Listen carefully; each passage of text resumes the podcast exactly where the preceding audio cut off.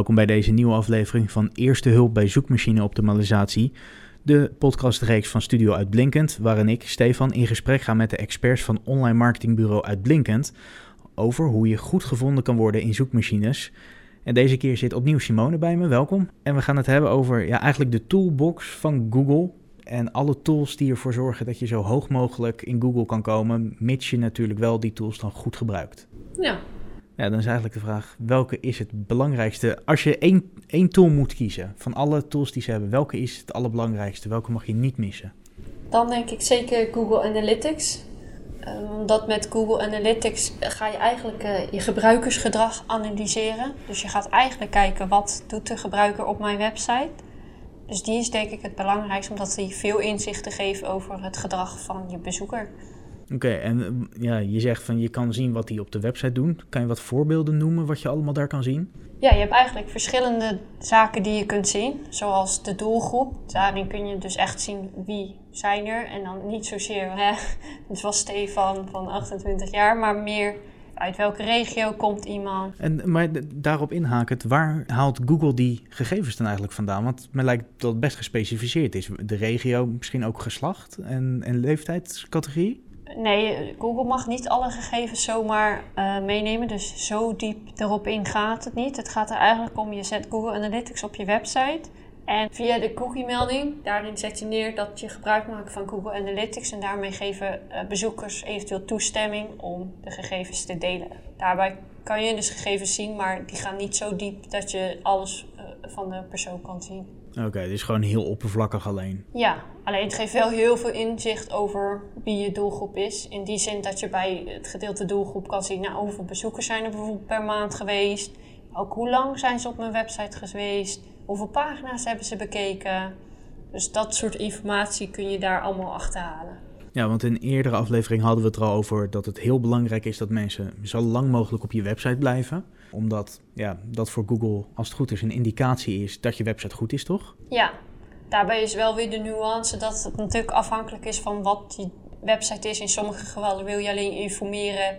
Is één pagina logisch dat ze die maar bezoeken. Maar als je een webshop hebt, wil je vaak dat ze wat meer pagina's bekijken om meer te bestellen. Dus het hangt ook een beetje vanaf wat voor website je hebt. Maar in de meeste gevallen is het wel beter hoe langer ze erop zitten. En wat, wat zit er nog meer allemaal in Google Analytics? Nou, je kan ook de acquisitie zien. Dus dat betekent via welk kanaal iemand is gekomen. Dus we hebben het in deze podcast natuurlijk vooral over het organische verkeer. Eh, maar hierbij kun je echt zien wat het aandeel is van je organische verkeer. Hoeveel komen er toch via Google Ads, referral. Dus mensen via een externe website. En zo kun je een beetje zien wat die indeling is. Eh, daarnaast het gedrag, wat ook heel interessant is. En bij gedrag kun je bijvoorbeeld zien welke pagina's het meest bezocht worden. Je hebt uiteindelijk natuurlijk een pagina waar je het liefst wil dat de bezoeker heen gaat. Maar dan kun je ook weer de pagina's individueel analyseren. Dus waarbij je in het begin natuurlijk het overall ziet hoe lang iemand op een website is, kun je dan specifiek gaan kijken. Nou, bijvoorbeeld een pagina heeft heel weinig, eh, hele lage sessieduur. Dan kun je gaan kijken, oké, hoe komt het dat de mensen op deze pagina heel kort zijn? Is dat ook het doel van de pagina? Dan is het natuurlijk oké. En anders ga je kijken, hoe kunnen we dat verhogen?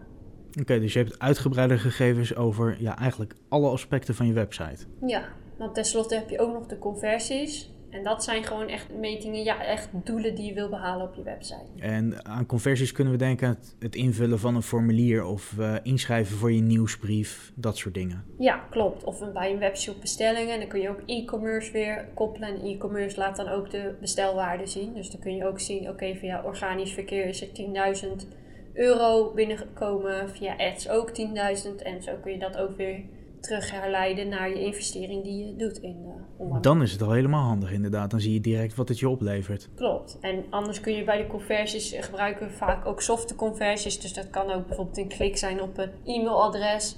Ja, eh, we meten eigenlijk zoveel mogelijk daarin door. Zodat je richting de klant kunt communiceren. Nou, dit is er gekomen en dit zien we. Als je bijvoorbeeld ziet, eh de terugbelverzoek wordt heel vaak ingevuld, contactformulier. Bijna niet. Dan kun je daar ook weer het gedrag mee analyseren en dus je website op aanpassen. Ja, handig. En nu geef je aan het, het meten van speciale formulieren of knoppen. Ehm, nu zijn daar ook weer andere tools voor die je daarvoor kan inzetten, toch? Ja, een belangrijke is Google Tag Manager. eh, waarbij je in Analytics vooral in eerste instantie bedankpagina's doormeet. Dus je, de pagina waar iemand opkomt na bijvoorbeeld een bestelling, komt hij op een bepaalde pagina. Kun je doormeten, maar je kunt ook knoppen doormeten. Dus als er bijvoorbeeld geen pagina achter zit, maar iemand klikt op maak een afspraak, kun je die knop ook doormeten. Dat kan dan bijvoorbeeld weer met Google Tag Manager. Dus daar stel je dat weer in. Ja, en het lijkt me ook handig dat ook al hangt er een pagina achter. Uh, heel vaak is bijvoorbeeld vanaf de homepagina dat je een knop hebt, bijvoorbeeld onze producten of onze diensten.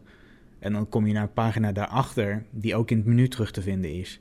Dus dan is het, lijkt me ook wel handig dat je echt het specifieke effect van één knop kan meten. Zeker, want daardoor kan je bijvoorbeeld inderdaad zien, in de header heb je uh, twee verschillende. Ja, welke werkt wel, welke werkt niet. En dan kun je daarmee testen. Oké, we moeten misschien die knop veranderen, want niemand klikt op producten of webshop of nou ja, net wat ja. hoe de knop uh, mag heten. Nou, handig inderdaad. En eventjes teruggaan nog naar Analytics. We hadden het net voordat uh, de opname ging lopen al een klein beetje erover. Toen vertelde je dat er ook een andere versie van Analytics is. Ja, de, de Google Analytics 4 noemen ze die. Die is uh, eind vorig jaar geïntroduceerd. Die is nog niet degene die je moet gebruiken. Je kunt de oude gewoon nog gebruiken. Maar die richt zich meer op de gebeurtenissen en analyse van de stappen. Dus waarbij de huidige, die kijkt echt heel globaal naar de doelgroep, gaat de nieuwe versie iets anders te werk. Uh, op dit moment kun je ze gewoon nog allebei gebruiken. En je moet alles opnieuw instellen. Dus het is even een plusje, maar uiteindelijk zeggen ze wel dat dat de toekomst is. Dus daar zijn we druk mee aan het kijken van, nou, wat zijn de voordelen die we daaruit kunnen halen ten opzichte van de oude versie. Oké, dus ja, we hadden het in eerdere podcasts al over dat Google zich blijft ontwikkelen. Maar dus niet alleen op het gebied van de zoekmachine zelf en het gedrag van consumenten daarin, maar op alle vlakken. Ja, alle tools blijven ze ook ontwikkelen. Soms in positieve zin, soms in minder positieve zin. Maar dit lijkt een wel een goede ontwikkeling. Omdat uiteindelijk gaat het om de gebeurtenissen die er op de website plaatsvinden, die zijn veel interessanter voor een klant en voor een bedrijf dan hoeveel mensen. Al zijn je 10.000 mensen op je website, dat is heel leuk. Als niemand iets koopt uit je webshop, ja, dan heb je niks aan die 10.000 Inderdaad, dan gaat het echt om de kwaliteit. Ja. Ja, en Google heeft natuurlijk heel veel tools. En na Google Analytics, wat is dan de belangrijkste tool om in te zetten? Welke wij vaak inzetten is ook Google Mijn Bedrijf waarschijnlijk heb je er ook uh, al geregeld van gehoord. Dat gaat echt op de lokale vindbaarheid uh, is dat gericht. En wat zijn dan de voordelen van het inzetten van Google Mijn Bedrijf?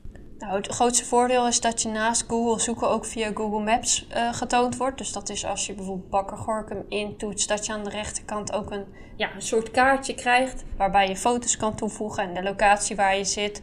Dus daarop word je dan ook gevonden. Oh, handig. En daar kan je ook meestal extra gegevens terugvinden, toch? Zoals telefoonnummer en openingstijden. Ja, het is heel belangrijk om al je informatie daartoe te voegen. Dus inderdaad je openingstijden, je URL, e-mailadres, hoe mensen afspraken kunnen maken of bij je terecht kunnen komen.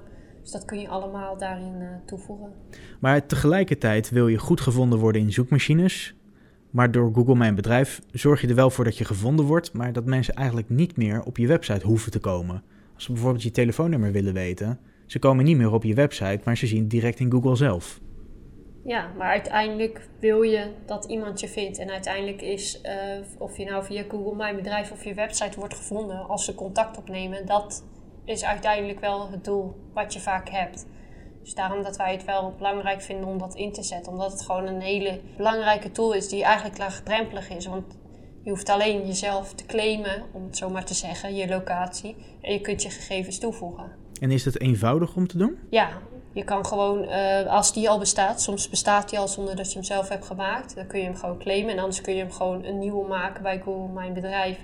En dan krijg je via de post vaak nog een beetje ouderwets een code opgestuurd waarbij je hem kan verifiëren, zodat ze zeker weten dat je ook echt op die locatie aanwezig uh, bent. Oké, want als het zo makkelijk is om, om up-to-date ook te houden, dan is dat ook wel iets wat veel bedrijven blijkbaar vergeten. Ik heb het zelf wel eens gehad, dan zoek je naar een bepaalde winkel, krijg je openingstijden, maar dan blijken die helemaal niet te kloppen. Nee, heel veel bedrijven beseffen niet dat ze het zelf kunnen invullen en dat dat niet zomaar lukraak er staat. Uh, als het uh, bijvoorbeeld staat en de uh, gegevens kloppen niet, heeft Google dat zelf ergens vandaan gehaald. of vaak zie je ook dat er geen openingstijden staan en dat die eigenlijk niet is ingevuld. Dus het is wel heel belangrijk om te controleren ook omdat je reviews kan plaatsen.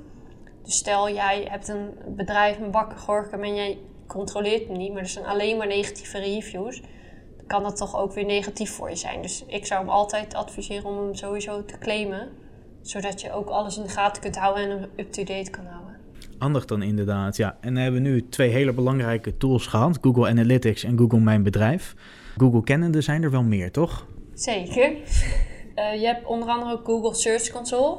Dat is eigenlijk om de aanwezigheid van je website in de zoekresultaten van Google te krijgen. Uh, nu is het niet zo als je dat niet hebt dat je niet gevonden wordt, alleen het kan wel stimuleren. Dus het indexeert eigenlijk je website. En gaat het dan ook sneller dat als je Google Search Console wel gebruikt, dat je dan ook wel sneller in de zoekmachines komt? Ja, dat is zo. Dus vaak um, als je bijvoorbeeld nieuwe content heel veel hebt geplaatst, dan kun je even opnieuw invoegen, zodat hij hem opnieuw gaat indexeren. Anders doet Google het zo om de zoveel tijd. Um, maar anders kun je het zelf doen. Maar daarnaast heeft het ook nog andere voordelen. Want je kunt dus ook bijvoorbeeld als er indexeringsproblemen zijn, dan krijg je daar ook een melding van. Dus dan kun je bijvoorbeeld denken aan dat je uh, te zien krijgt van uh, op de mobiele weergave is het te breed. En met dat soort gegevens kun je je website ook weer optimaliseren. Dus eigenlijk is het dat Google je dan concrete verbetertips geeft om beter in de zoekmachines naar voren te komen. Ja, want uiteindelijk wil Google ook dat de gebruiksvriendelijkheid op jouw website gewoon zo hoog mogelijk is. Dus dat stimuleren zij. Dus als het bijvoorbeeld te breed is, geven ze dat aan, zodat je dat kan verbeteren. Ja, en is er dan ook een tool waarmee je kan zien hoe mensen dan zoeken in de zoekmachines? Want dat zal ook veel waardevolle informatie opleveren. Ja, dat kan ook via Google Search Console.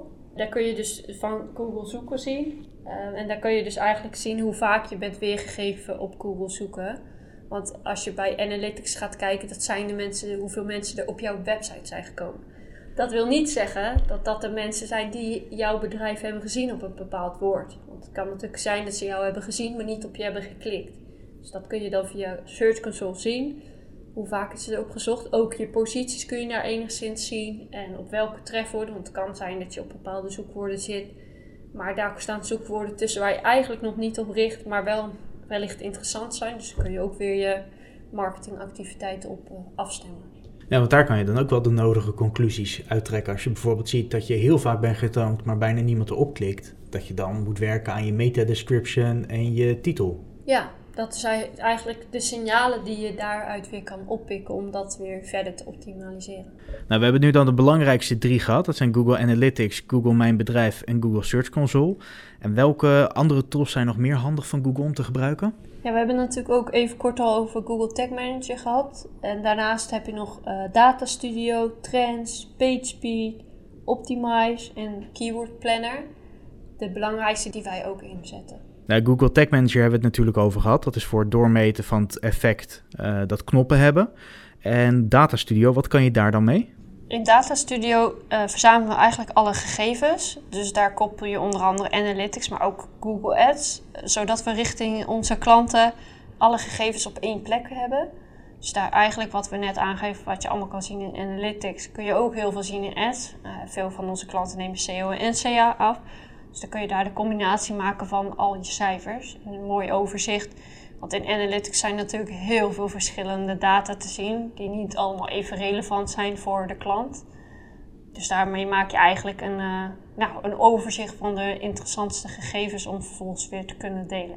Dat is wel handig inderdaad, want ik denk dat heel veel bedrijven en mensen zullen herkennen dat als je een website hebt, dan heb je heel veel gegevens uit verschillende bronnen. En daar breng je ze dus allemaal samen tot, tot één rapport, zeg maar. Ja, om het voor iedereen zo overzichtelijk mogelijk te maken. En ja, dan weten ze gewoon ook wat er speelt en wat er gebeurt.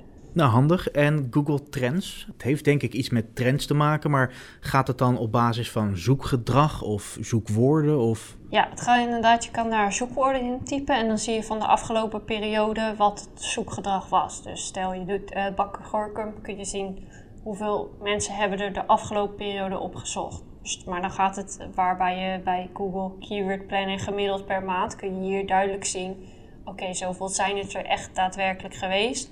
Dus stel je hebt een website, een bakker, en je denkt opeens, nou, appeltaarten veel minder verkocht via mijn website. Dan kan het zijn dat de afgelopen maand bijvoorbeeld de interesse in appeltaarten flink is afgenomen. Dan zou je dat als verband kunnen leggen. Dat is natuurlijk wel een beetje kort door de bocht, maar mhm. in principe kun je daarmee wel verbanden leggen. En in Google Trends kun je zowel op Nederland, maar ook andere landen kun je gewoon kijken hoe het zoekgedrag is. En ook per provincie. Dus het kan zijn dat in uh, Zuid-Holland iedereen zin heeft in, in appeltaart en in Groningen niemand. Ja, en in Limburg zijn het natuurlijk de vlaaien die dan uh, beter uh, gezocht worden. Ja, dat zou zomaar kunnen. Nou, wel handig inderdaad, dan kan je makkelijk vergelijken.